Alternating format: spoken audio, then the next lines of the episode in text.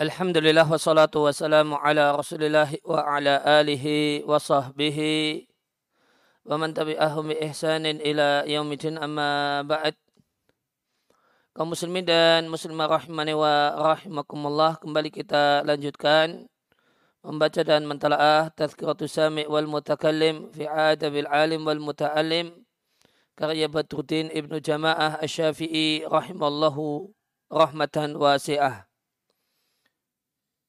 kita sampai pada adab murid dan siswa yang ketiga. Qala al-musannifu rahimallahu ta'ala athalisu adab yang ketiga adalah hendaknya seorang penuntut ilmu bersegera memanfaatkan masa mudanya dan waktu dari umurnya yang dia miliki ila tahsili untuk belajar. Jangan terkecoh dengan tipuan atas taswif nanti-nanti. Ya, nanti kalau sudah ya, selesai sekolah, nanti kalau sudah begini, nanti kalau sudah begitu. Watakmil dan angan-angan. Ini ada satu kalimat yang menarik untuk direnungkan oleh kita semua fa inna kula sa'atin tamda min umurihi la badala laha wa la iwada anha. Karena setiap waktu yang berlalu dari umur seseorang itu tidak ada gantinya dan tidak ada gantinya. Maka jika sudah berlalu, ya tidak mungkin diganti. Tidak mungkin tergantikan. Jika telah berlalu dalam hal yang tidak bermanfaat, maka tidak ada gantinya. Oleh karena itu jangan mau ditipu setan dengan nanti-nanti dan besok-besok dan berangan-angan kalau besok itu ya lebih longgar, besok itu lebih punya waktu, satu hal yang patut untuk disadari bahwasanya ya, dengan bertambahnya usia dan umur itu yang terjadi adalah bertambahnya kesibukan. Maka bohong jika ada bisikan yang mengatakan nah, besok nanti lebih longgar.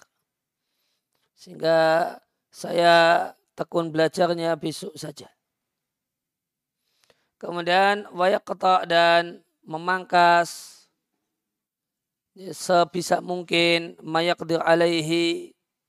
Sebisa mungkin berbagai macam alaik berbagai macam hubungan-hubungan keterkaitan-keterkaitan yang menyibukkan. Wal awaik dan berbagai macam penghalang yang menghalangi untuk bisa tamamitolab sempurna dalam belajar atau terjemah bebasnya serius belajar dan mencurahkan kesungguhan dan kekuatan aljid rajin atau kesungguhan fitahsil untuk belajar.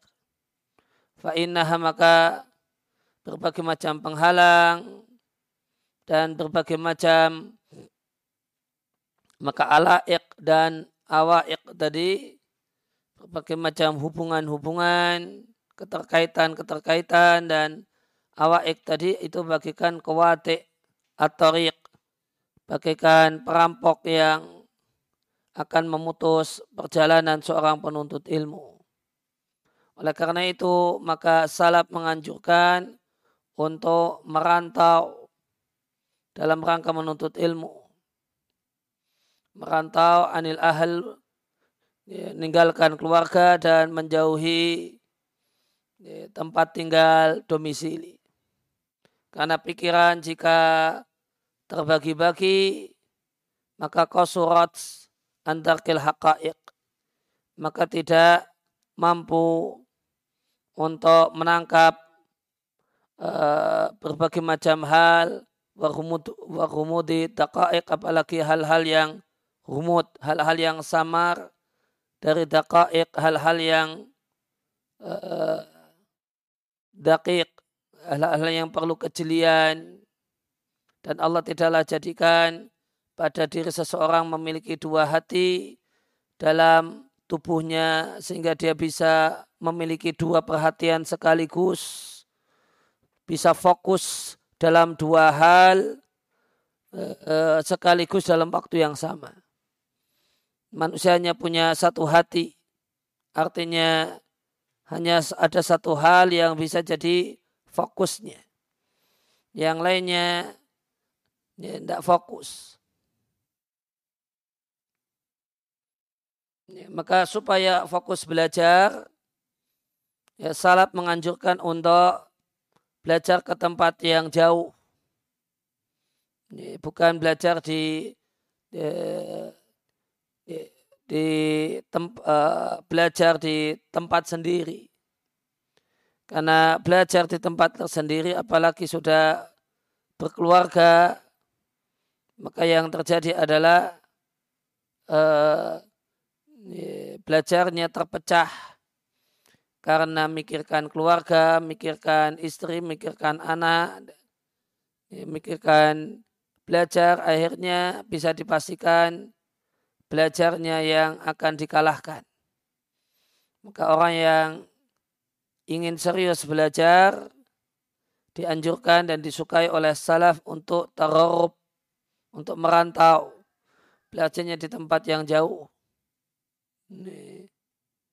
Sehingga kalau di dunia belajar akademik ya bisa dilihat kalau orang lanjut sekolah misalnya S2 atau S3 Kemudian di setelah dia selesai S1 namun dia lanjut sekolah itu di luar daerah sehingga dia kos atau ngontrak di sana. Diharapkan itu bisa lebih cepat selesai dibandingkan yang belajar di daerahnya.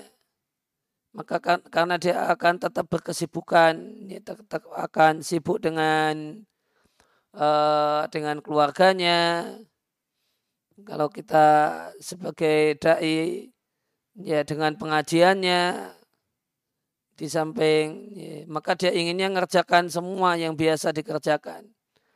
Ya, studi lanjutnya ya dikerjakan namun ya, ngantar istri ke ngantar istri belanja, kemudian anak jalan-jalan, uh, ada pengajian, jadwal ini dan itu tetap di rutinitas harian tersebut tetap dilakukan. Hasilnya ya sering kali eh, tidak bisa cepat selesai. Lain hanya kalau tarob keluar daerah, hanya ya, dia tinggalkan misalnya dia tinggalkan keluarganya, dia tinggalkan keluarganya dan uh, dia kontrak di sana sehingga jadwal hariannya, rutinitas hariannya itu dia cut semua. Akhirnya fokus dengan studinya. Maka harapan besar untuk cepat selesai itu sering terwujud. Ini, rah, eh, ini rahasia dari balik anjuran terorop merantau untuk belajar Walidhalika yukal oleh karena itu disebutkan bahasanya ilmu itu tidak akan memberikan kepadamu sebagiannya sampai engkau berikan padanya keseluruhan dirimu. Al-Khatib Al-Baghdadi menukil di kitabnya Al-Jami dari sebagian orang yang mengatakan tidaklah seorang itu mendapatkan ilmu ini kecuali orang yang menganggurkan tokonya dan membiarkan kebunnya tidak terurus dan meninggalkan kawan-kawannya. Bahkan sampai-sampai uh, keluarganya yang paling dekat itu meninggal dunia dia pun tidak menghadiri jenazahnya karena posisinya yang jauh dan tidak memungkinkan untuk datang Ya, maka di antara hal yang uh, kiat supaya sukses belajar dan fokus belajar ya, wa hajara ikhwanahu. Dia tinggalkan kawan-kawannya, dia tinggalkan grup-grup WA-nya yang menyibukkannya, atau bahkan dia tinggalkan medsosnya, kawan dunia mayanya, demikian juga dia tinggalkan kawan dunia nyatanya, karena dia sibuk mojok, misalnya sibuk mojok mengerjakan tugas-tugas belajarnya, sibuk mojok untuk belajar, ataupun orang yang rajin ngobrol dengan teman-temannya, ya, maka bisa dipastikan belajarnya tidak maksimal. Wadakuluhu. Dan ini semua wa ingkanat fi mubalaghatun meskipun ada padanya unsur berlebihan namun yang jadi inti adalah fal maqsudu bihi maksud di sini terjemah bebasnya intinya ana la buddha fihi min jam'il qalbi. Dalam ilmu dalam belajar itulah buddha harus min jam'il qalbi hati yang fokus wastima'il fikri dan pikiran yang uh, yang tidak terpecah ke mana-mana.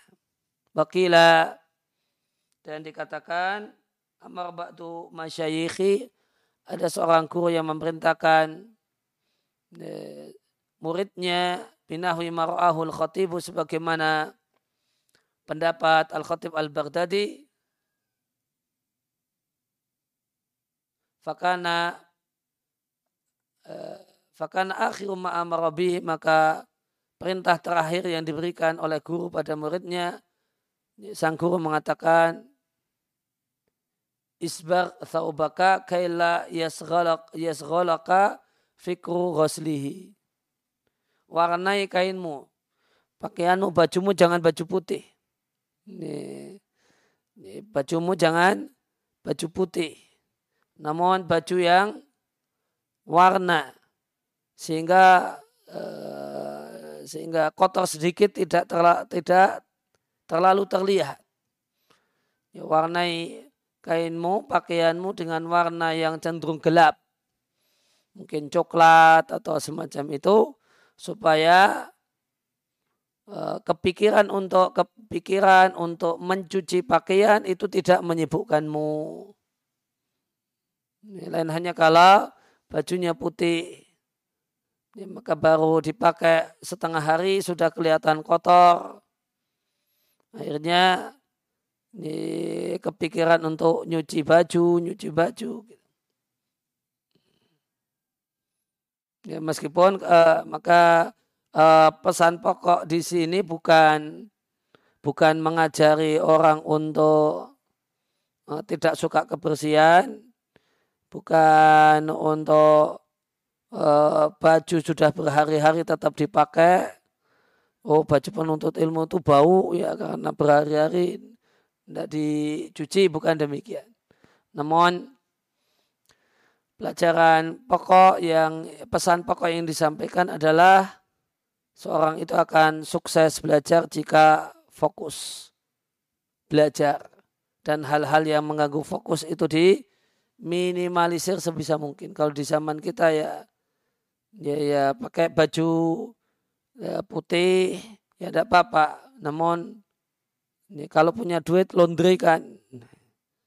Laundry kan baju sehingga tidak mikir, nggak mikir, uh, nggak kepikiran nyuci dan tidak uh, waktu untuk nyuci bisa terpakai untuk pelajaran. Tapi jangan waktu yang harusnya dialokasikan nyuci itu malah dipakai untuk main-main. Nah ini jadinya nggak nggak sesuai dengan tujuan. Jadi maka melondrekan pakaian supaya fokus belajar ya satu hal yang bagus. Tapi ya orangnya sudah punya kesadaran untuk belajar.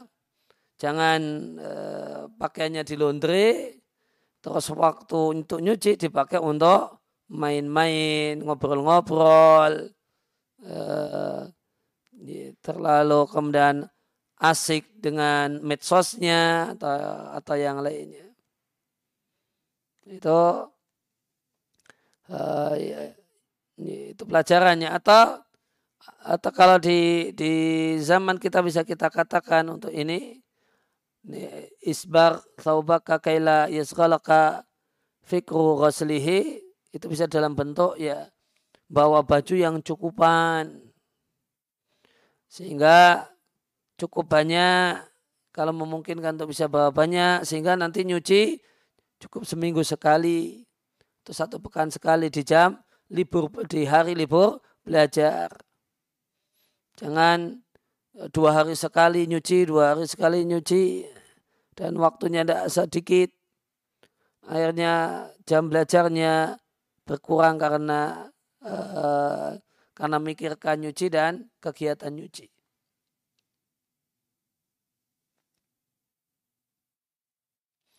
Dan di antara yang di, dikutip dari Asyafi'i, beliau mengatakan, seandainya aku disuruh beli bawang, Aku tidak faham masalah ilmu. Nah.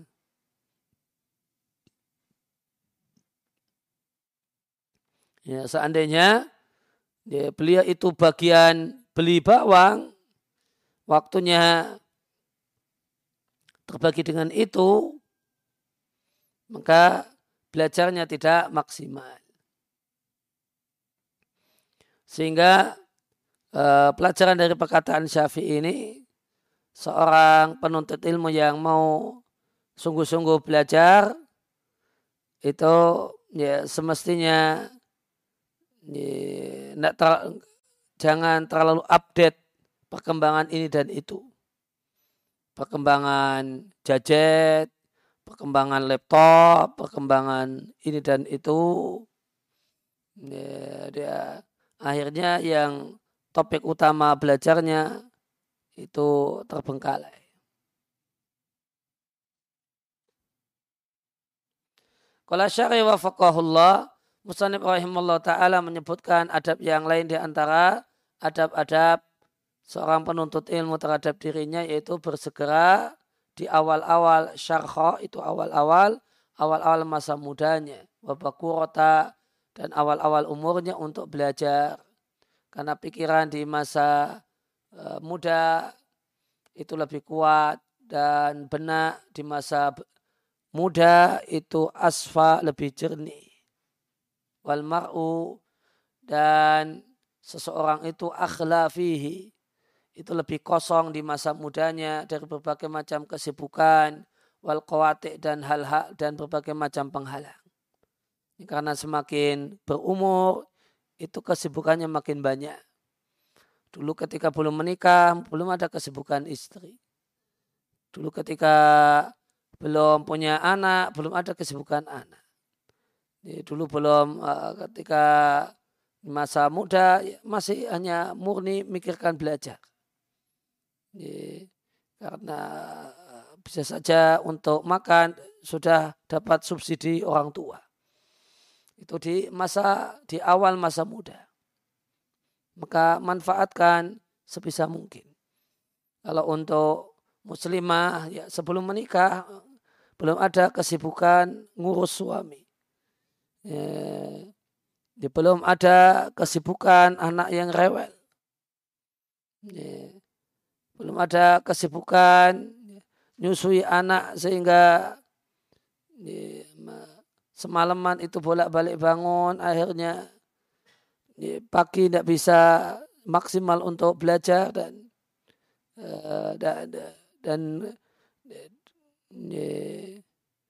dan kesibukan-kesibukan yang lainnya yang bertambah dengan seiringnya bertambahnya umur dan usia kita.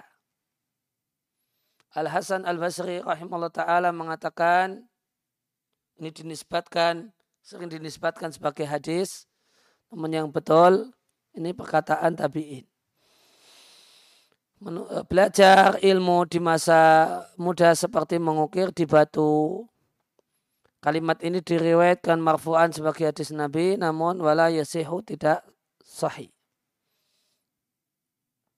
Maka makna dari kalimat ini, itu perkataan Al-Hasan Al-Basri, siapa yang bersegera mengambil dan belajar ilmu di masa mudanya, seakan-akan dia mengukir ilmu di hatinya uh, ukiran yang permanen yang tidak berubah-ubah. Karena ukiran yang paling keras, eh, paling subutan, paling awet, yang paling luar biasa awetnya adalah ukiran di batu yang ada di gunung, gunung padas atau yang lainnya. Maka siapa yang bersegera menuntut ilmu di usia belianya, sabatal ilmu fi maka ilmu itu melekat di hatinya. Sebagaimana anak muda di awal di, di awal hidupnya layakun mazhulan. Tidaklah tersibukkan dengan berbagai macam perkara qati'atin yang memutus. Tidak pula tersibukkan dengan hal-hal yang menghalangi yang tu'ikuhu menghalanginya untuk fokus dalam menuntut ilmu. Dan adalah Imam Ahmad rahimahullah ta'ala itu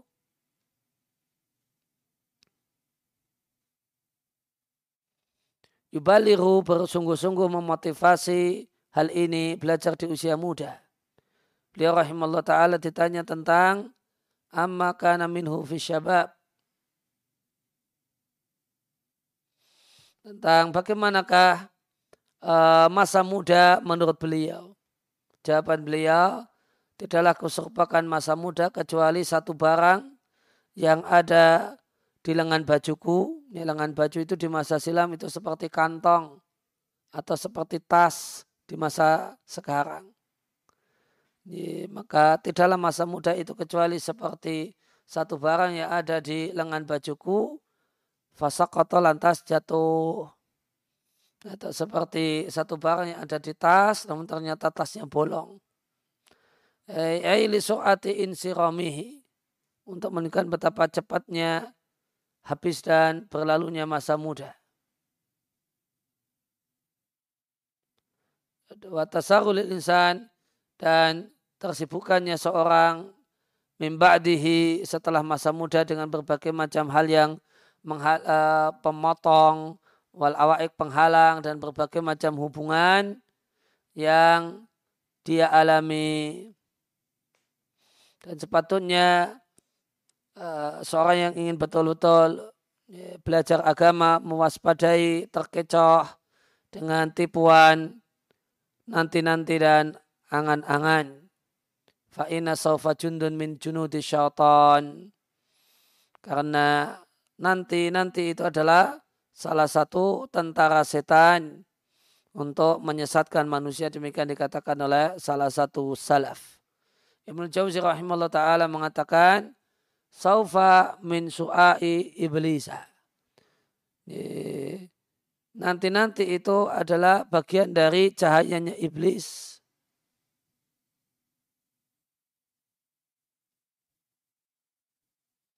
Artinya di antara cahaya iblis yang banyak pandangan silau karenanya.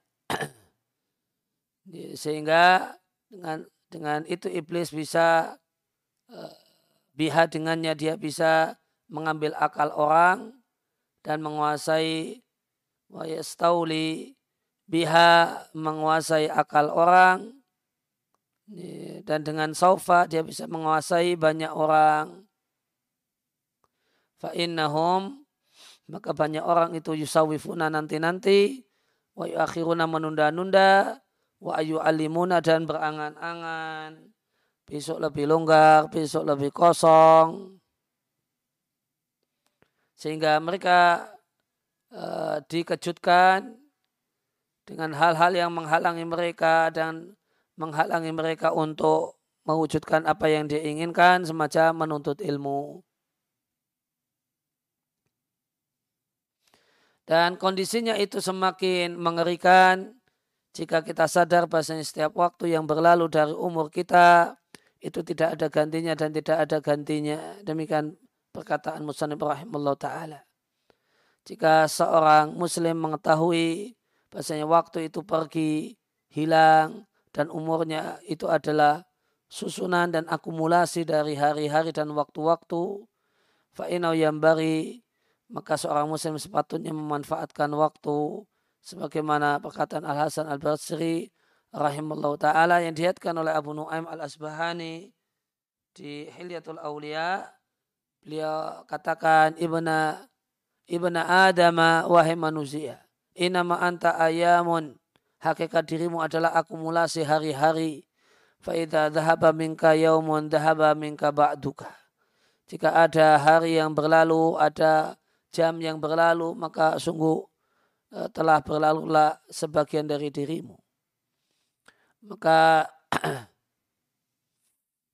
Walayam bagi tidaklah sepatutnya syai'un min umrihi sedikit dari waktu seseorang itu berlalu tanpa seorang muslim itu mendapatkan ronimah keberuntungan, keuntungan dari berlalunya waktu itu. Dan keuntungan yang paling besar adalah yang mendekatkan kepada Allah Subhanahu wa taala berupa ilmu yang uh, yang mendorong untuk diamalkan. Kemudian Musanib rahimahullah ta'ala menyebutkan hal-hal yang tercakup dalam uh, adab ini seorang siswa hendaknya memangkas semaksimal mungkin berbagai macam kesibukan yang menghalanginya untuk bisa maksimal dan fokus belajar. Wahadil ala dan hubungan-hubungan atau keterkaitan-keterkaitan uh, dan awaik penghalang-penghalang ini disebutkan oleh Ibnu Qayyim di kitabnya Al-Fawaid. Dan beda antara alaik dengan awaik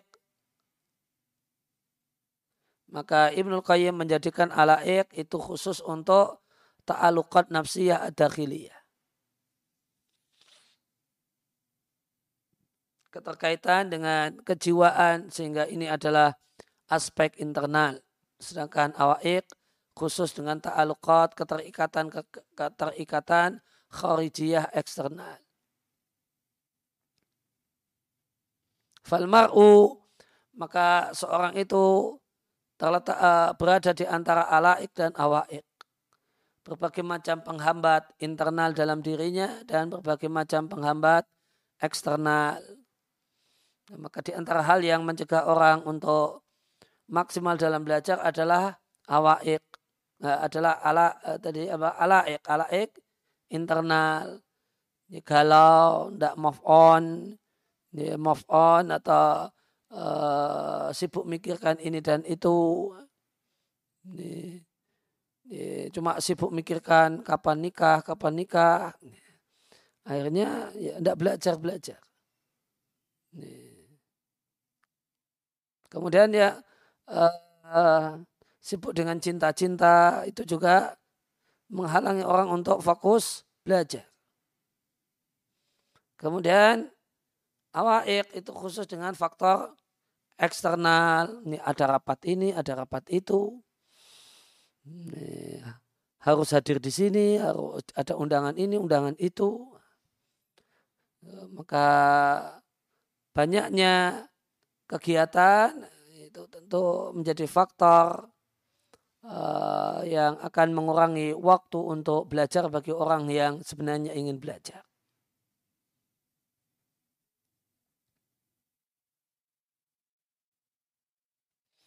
Dan Ibnu Qayyim rahimahullah taala menyebutkan di tempat yang lainnya dari perkataan beliau bahasanya dua hal di atas tidak akan sempurna untuk bisa uh, mendapatkan apa yang jadi maksud dan cita-cita seseorang kecuali ditambahkan dengan meninggalkan hal yang ketiga yaitu tinggalkan berbagai macam kebiasaan.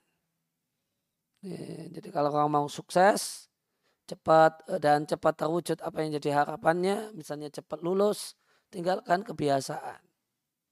Kebiasaan-kebiasaan yang bisa ditinggalkan, tinggalkan. Kebiasaan-kebiasaan yang menyita banyak waktu, ditinggalkan. Dia punya kebiasaan ngobrol tinggalkan kebiasaan nongkrong ah, tinggalkan kebiasaan ngegame tinggalkan dan awaid adalah ma jarabi urfunas sesuatu yang telah menjadi budaya masyarakat wa alifu dan apa yang sudah eh, biasa mereka lakukan. Sehingga jika Anda ingin mendapatkan matlubaka cita-cita Anda, terutama mendapatkannya dengan segera, berupa ilmu dan yang lainnya, ilmu lulus kuliah, kemudian demikian juga termasuk cita-cita di sini ya, punya duit, maka lah buta haruslah memperhatikan tiga perkara. Ya, pangkas berbagai macam alaik. Tadi dimaknai dengan hambatan internal. Jangan larut dengan kesedihan, jangan uh, sibuk memikirkan ya, kegalauan, kecemasan. Kemudian yang kedua, cegah al-awaik. Faktor-faktor ama eh, penghambat, faktor eksternal. Kalau belum ada kebutuhan mendesak untuk menikah ya nanti ditunda nikahnya. Biar cepat selesai studinya. Biar kemudian uh, biar bisa fokus misalnya ngapal Qurannya. Ya, kemudian ya maka uh, peluang-peluang yang peluang-peluang untuk menyita waktu dari pihak eksternal diminimalisir. Ya, maka keterlibatan dalam organisasi dan diminta untuk aktif, maka upayakan untuk dihindari. Aktif di organisasi A, B, C, dan seterusnya. Kalau bisa hindari, hindari. Karena itu awak faktor eksternal yang bisa mengganggu, menghambat ke kemaksimalan kita dalam meraih apa yang kita harapkan dan kita cita-citakan. Kemudian yang ketiga, tinggalkan awaid. Berbagai macam kebiasaan yang menyita waktu. Maka jika seorang muslim menggabungkan tiga hal ini, fa'inau kominun, maka dia layak untuk bisa mewujudkan dan mendapatkan matlubah apa yang dia cari dan apa yang dia cita-citakan. Ini tidak hanya ilmu, pingin duit sama. Ya, pengen duit maka kotul ala maka fokus ngurusi bisnis, fokus dengan pekerjaannya dan aktivitasnya yang bisa menghasilkan uh, uang. Maka hal-hal penghambat faktor internal di ini. Faktor eksternal ya, hal-hal yang uh, menghalangi fokus untuk sibuk uh, maksimal ngurusi bisnis di ya, di skip skip dulu yang bisa di skip. Nah gitu. Kebiasaan-kebiasaan yang kurang baik yang cenderung membuang-buang waktu tinggalkan. Sehingga cita-cita punya duit punya modal untuk ya, untuk nikah nah itu segera terwujud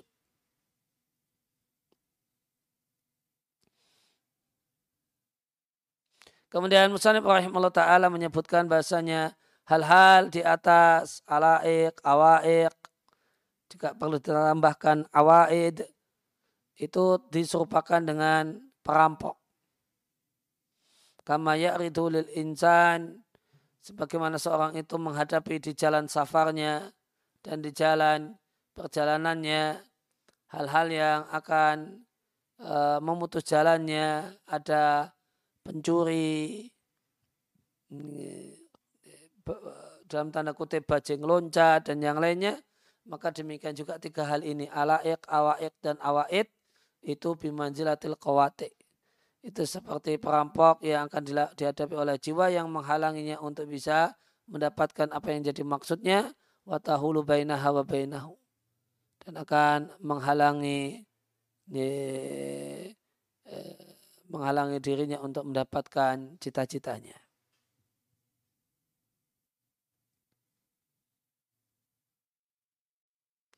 Kemudian uh, Musannif rahimahullah ta'ala menyebutkan dalil dan bukti aktivitas menghilangkan alaik dan mencegah dawaik. Demikian juga perlu ditambahkan dengan meninggalkan awaid yang dipraktekkan oleh salaf adalah informasi yang disampaikan oleh sejumlah ulama salaf tentang anjuran merantau, meninggalkan keluarga dan jauh uh, anil auton dari kampung dari tempat keting, uh, tempat kediaman dalam rangka mencari ilmu.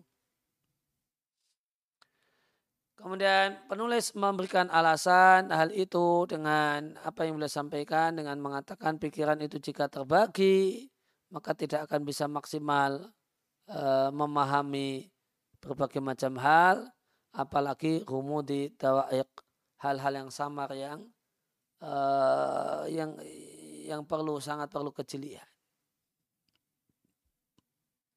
Maka jika pikiran itu terpecah ke sana kemari, maka lam tuhid biha ilma dia tidak akan menguasai uh, dengan baik al ada hal-hal yang rumit-rumit atau bahkan al haqaiq.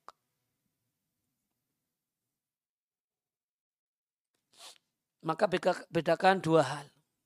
Membagi waktu itu bisa, tapi membagi pikiran itu tidak bisa. Bagi waktu bisa, ini nanti jam sekian ke sekian ngurusi ini, jam sekian sekian ini ngurusi itu. Itu bagi waktu itu bisa, tapi bagi pikiran, bagi fokus itu tidak bisa. Karena kita fokusnya cuma satu, karena kita hanya punya satu hati. Berarti cuma bisa satu fokus saja. Dan Allah Azza wa Jalla berfirman, "Ma ja'alallahu li rajulin min qalbayni fi jawfi." Allah tidaklah memberikan untuk seseorang dua hati sehingga bisa dua fokus. Ya, dua hati di hati ya, pada dirinya, fi jaufihi di ya, bagian dalam rongga badannya.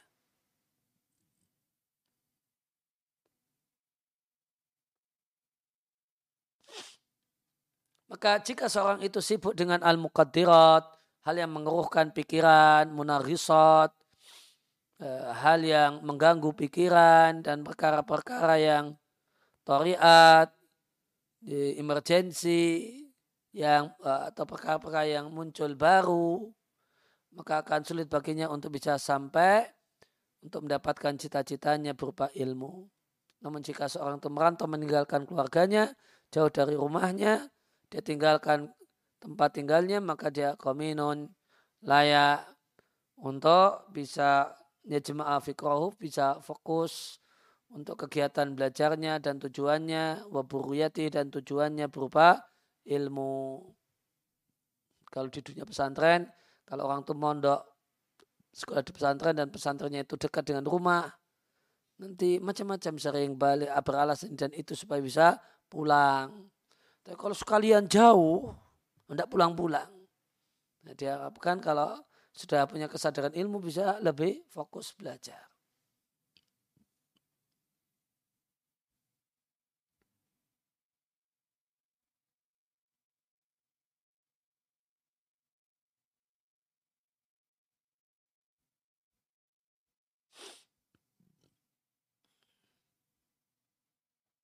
Nah, kemudian seorang itu tidaklah mendapatkan ilmu secara sempurna atau secara maksimal sampai dia merantau karena ilmu, melakukan perjalanan karena ilmu. Karena kebiasaan telah berjalan, siapa yang tidak mengadakan bepergian, maka manusia tidaklah membutuhkan ilmunya. Lain halnya dengan orang yang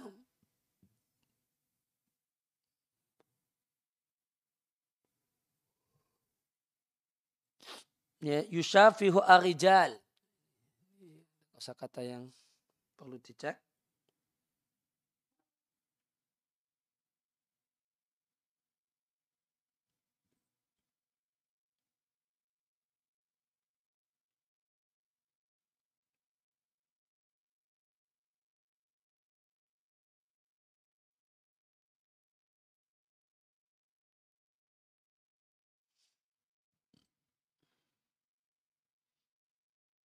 Syafaha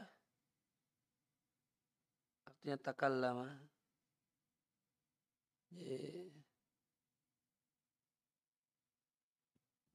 fi man yushafi'u rijala.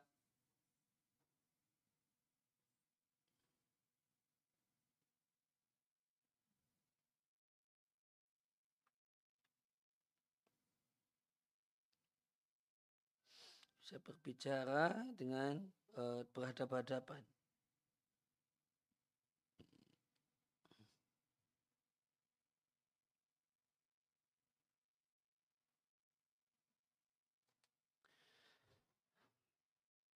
Ya.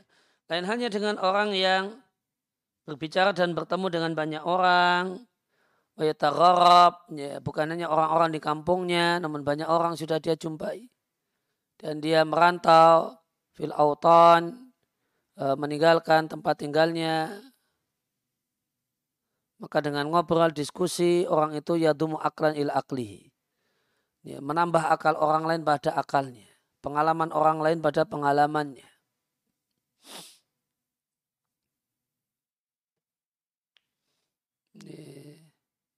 Maka dengan ini orang mengenali dirinya dan ternyata dia punya keunggulan dan kelebihan maka orang pun membutuhkan ilmunya. Fa'ina al ulama maka berjumpa dengan para ulama dia duduk belajar dengan mereka di berbagai negeri Islam akan terwujud dengannya tahsilu kuwatin ilmiyatin wa akliyatin. Maka akan terwujudlah tahsil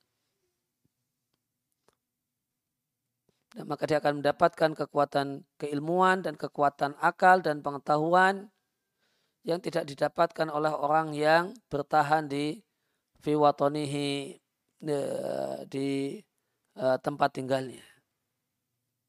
Kecuali jika tempat tinggalnya itu penuh dengan para pakar, para ahli dan para ulama tentunya.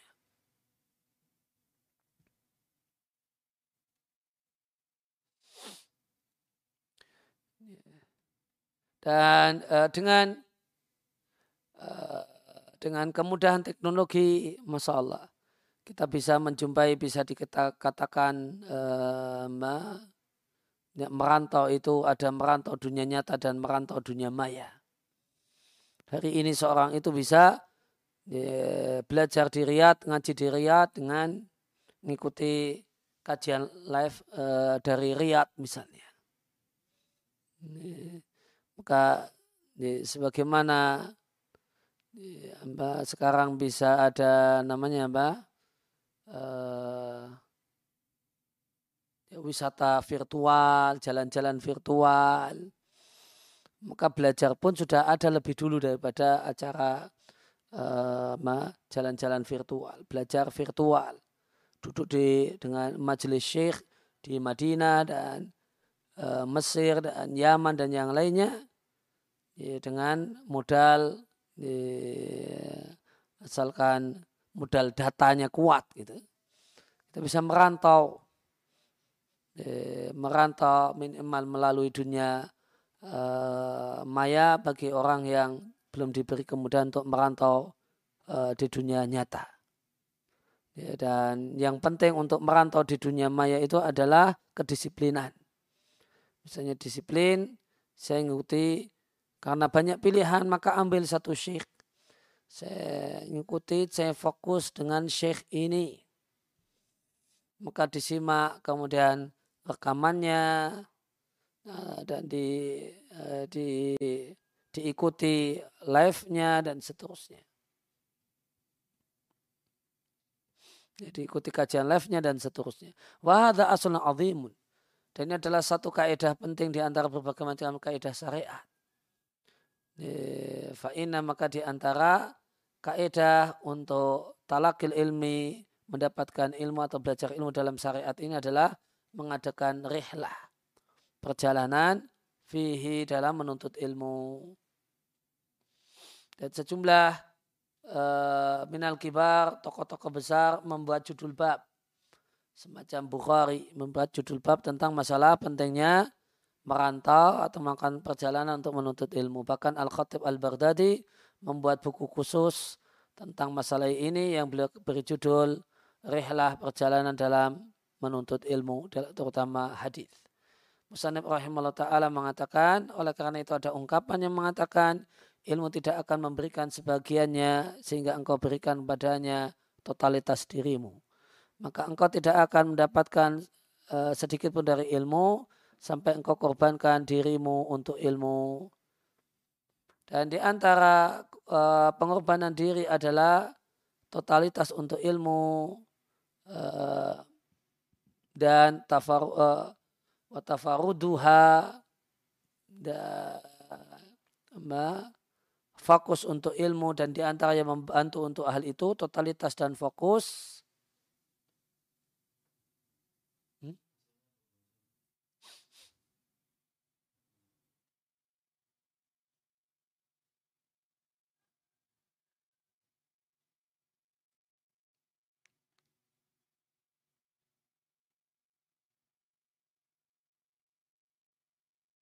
Di antara hal yang membantu untuk bisa totalitas dan fokus untuk ilmu adalah merantau fitolabil ilmi untuk mencari ilmu.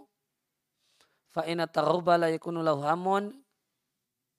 Karena orang yang merantau dia tidaklah punya pikiran kecuali satu saja.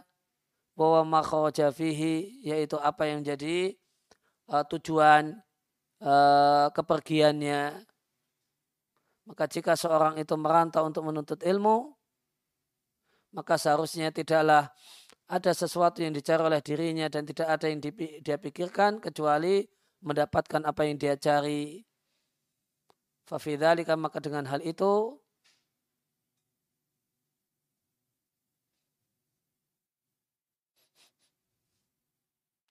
Ya, fafidhalika maka dengan hal itu dia punya uh, muknaton kemampuan untuk bisa segera mendapatkan apa yang dia cari watasil dan memudahkan sampainya dia pada cita-cita yang dia inginkan.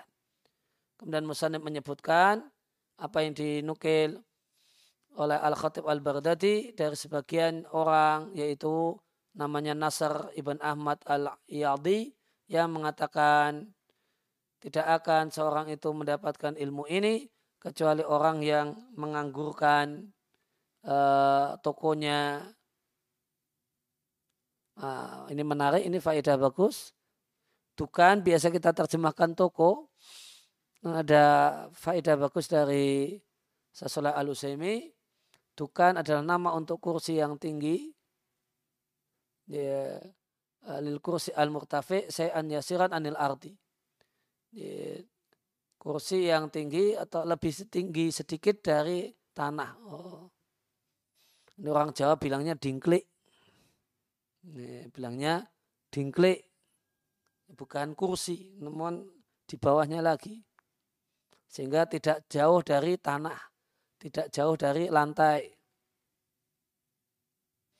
Nah, wa inna masumiyal hawanit, toko-toko itu disebut dengan dukan, di anal ba'ata karena penjual di toko-toko ini memasang kursi di masa silam ya. Mereka masang kursi dengan bentuk semacam ini. Ya, kursinya itu cuma ya, dingklik kata orang Jawa. Itu kursi para pedagang di berbagai macam toko-toko di pasar di masa silam. Akhirnya eh, dijadikanlah kursi ini alaman nama untuk eh, warung atau toko wa illa fal aslu namun perlu diketahui makna asal dari dukan adalah kursi kecil yang tidak begitu terlalu tinggi dari lantai. Dan yang dimaksud dengan menihilkan tokonya artinya akhlahu eh, ya, dia kosongkan kursinya. Dia tidaklah dikenal lama duduk di situ. Watasadur dan tampil untuk berjumpa dengan banyak orang, mutalakian, eh, berjumpa dengan kulu man habba wa daraja. Uh, semua orang bahkan dia menyendiri dari banyak orang tidak tersibukkan dengan bergaul dengan banyak orang. Kemudian membuat terlantar kebunnya artinya dia biarkan kebunnya. Uh, sehingga afdodalika hal tersebut pembiaran itu dalikal ihmalu pembiaran itu menyebabkan uh, rusaknya kebunnya. Dan dia tinggalkan kawan-kawannya. Kotoa dia putus hubungan dengan lidatihi orang-orang yang selevel dengannya seumuran dengannya wa dan teman-temannya.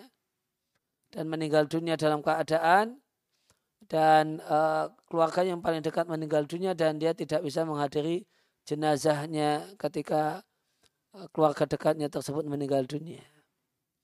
Kemudian Musanib rahimahullah ta'ala mengatakan ini semua meskipun ada padanya unsur berlebihan namun intinya labuta fihi min jam'il qalbi. Untuk sukses belajar harus fokus. Pikiran itu tidak terpecah.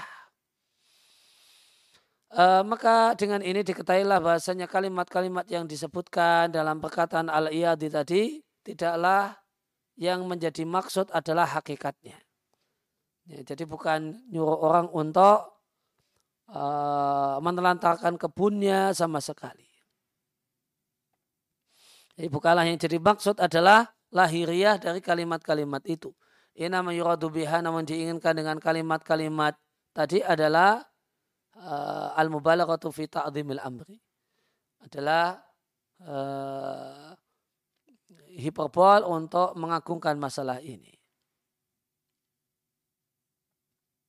Dan ini adalah di antara taraikil khitabi cara-cara berbicara dalam perkataan salah. Mereka sering kali menyampaikan satu kalimat ala nahwi mu'adhamin dalam bentuk satu hal yang diagungkan dan dibesarkan lil mubalaghah untuk hiperbol dalam menjelaskan maksud dan mereka tidak menginginkan lahiriah dari perkataan itu. Sebagaimana sahih dari Bakar ibn Abdullah al-Muzani rahimallahu taala beliau mengatakan tidaklah Abu Bakar itu lebih unggul dibandingkan para sahabat yang lain karena banyaknya sholat, banyaknya puasa. Walakin bisya'in akan tapi karena sesuatu yang wakara fil tertancap di dalam hati.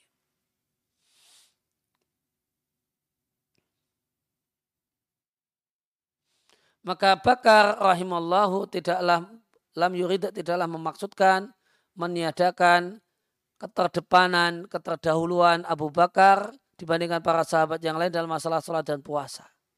Karena itu sudah satu hal yang masyhur dan satu hal yang sudah terkenal dari Abu Bakar dalam Sahih Bukhari, Muslim dan selain eh, dan kitab-kitab hadis yang lainnya. Beliau adalah orang yang terdepan dalam masalah uh, berinfak, masalah sholat, lembutnya hati dan seterusnya. Namun yang diinginkan oleh Bakar dengan perkataannya Bakar tadi siapa? Eh, Bakar ibn Abdullah al-Muzani yang diinginkan adalah untuk menunjukkan besarnya hal yang menjadi maksud yaitu apa yang tertanam di dalam hati berupa iman yang kuat, uh, yakin yang tulus dan menginginkan kebaikan bagi kaum muslimin. Itulah yang tertanam kuat dalam hatinya Abu Bakar, iman yang kuat, Ya, yakin yang hebat, yakin yang tulus dan menginginkan kebaikan untuk kaum muslimin. Maka jika Anda wa'aita memahami dengan baik kaidah ini, maka akan terusir dari pikiranmu jumlah terminal iskalat berbagai macam uh, kebingungan yang alatitaka yang itu terjadi dikarenakan membaca perkataan salaf yang mubalagot yang menyampaikan kalimat-kalimat hiperbol yang kalimat-kalimat dijadikan oleh orang yang tidak faham dengan baik orang yang tidak faham dia jadikan sebagai sesuatu yang uh, ala yajri la yajri tidak berjalan sesuai dengan undang-undang akal sehat. Adapun orang yang faham maka dia akan mengatakan bahasanya mereka salap itu mereka hiperbol dalam tahqiqan fi idahil maksudi mereka balaru berlebihan atau hiperbola ya, tahkikan dalam rangka mewujudkan tujuan yaitu idahil maksudi menjelaskan maksud sejelas-jelasnya. Semacam hadil jumlah kalimat yang perkataan al-iyadi rahimullah ta'ala ini. Maka beliau tidaklah memaksudkannya haqa'iqoha lahiriah atau tersurat dari apa yang tersurat dari perkataan beliau. Karena ilmu yang yang bermanfaat akan mendorong orang yang berilmu untuk menjalin hubungan kekerabatan sehingga bukan malah uh, meninggalkan kehadiran saat ada saudara atau keluarga yang meninggal dunia dan memperhatikan perkara dunia ilmu yang bermanfaat demikian bukan berarti Eh, kebunnya terlantar tidak diurusi sama sekali, padahal itulah sumber penghasilannya. Atau tawasul, bersosialisasi dengan kawan-kawan dan menunaikan hak kerabat, maka mustahil ayakuna fi'lu talibihi perbuatan penuntut ilmu itu menyelisihi uh, ketentuan-ketentuan agama semacam ini. menyambung hubungan kekerabatan dan yang lainnya.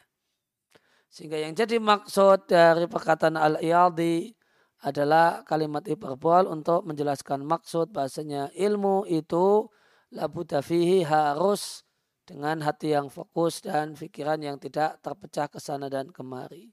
Kemudian Musanib rahimahullah ta'ala menyebutkan bahasa sebagian guru memerintahkan salah satu muridnya sebagaimana apa yang jadi saran al-khatib yaitu yang disebutkan oleh Al-Khatib Al-Baghdadi. Sampai-sampai perintah terakhirnya adalah warnailah pakaianmu supaya engkau tidak tersibukkan untuk mikir mencucinya. Artinya jadikanlah pakaian dan bajumu berwarna sehingga tidaklah nampak jelas padanya kotoran. Karena jika pakaianmu itu putih, putih polos, maka kotoran itu akan jelas ada padanya. Sehingga pemakainya akan sibuk untuk memikirkan bagaimanakah mencucinya. Namun jika dia berwarna dengan warna sehingga kotoran itu tidak jelas padanya, maka tolatil mudah, maka dalam waktu lama, ya cukup lama, dia tidak membutuhkan untuk mencucinya. Sebagaimana penulis menyebutkan kutipan dari Syafi'i, beliau mengatakan seandainya saya dibebani dan ditugasi untuk beli bawang, saya tidak paham ilmu. Lima fidali karena dalam hal tersebut terdapat tersibuknya hati dengan maksud selain ilmu.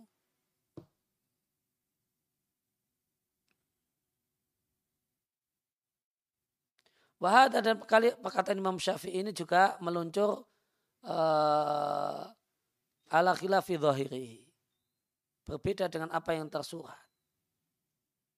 Karena karena Syafi'i rahimahullah ta'ala beliau punya istri, punya anak keturunan. Dan sehingga beliau sebagai seorang suami dan seorang ayah uh, diperintahkan oleh syariat untuk memperhatikan keluarganya. Uh, akan tapi uh, sehingga yang dimaksud seandainya saya diberi tugas untuk beli bawang itu bukan berarti uh, tidak tahu bawang dan tidak tahu uh, membantu istri. Wala, walakin akan tetapi yang dimaksudkan oleh Imam Syafi'i adalah al-mubalaghah.